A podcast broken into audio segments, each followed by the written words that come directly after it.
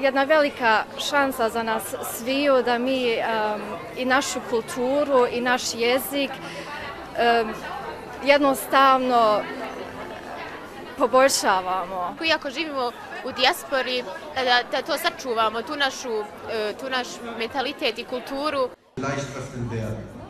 Und ich bin überzeugt davon, dass dann, wenn Allahs Name erwähnt wird,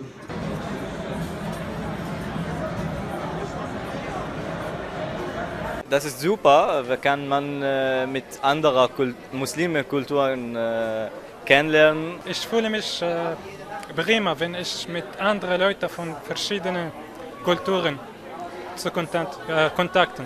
sind jetzt um die Ecke oder ähnliches. Ich glaube, gerade eure Mentalität ist die Mentalität, die Muslime gerade auch brauchen, weil sie eine positive Mentalität ist. Eine Mentalität, die Frieden hochhält. Weil sie teilweise länger bereits Muslime sind.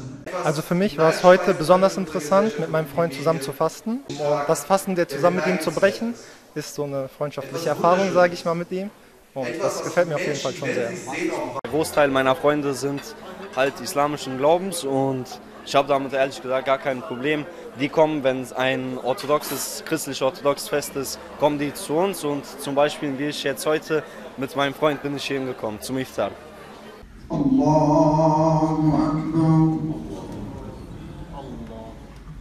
Zajednički iftari su za nas Bošnjake jedna duga tradicija. I e, uvijek se u Bosni iftarlo uz lijepe jeli, ove ramazanske sofre, uz lijepe dakle, sobete zajedno sa drugima. I ovo je, ja mislim, jedan od najboljih načina da dokažemo i da pokažemo da nije ono što narod misli i, i što priča o nama.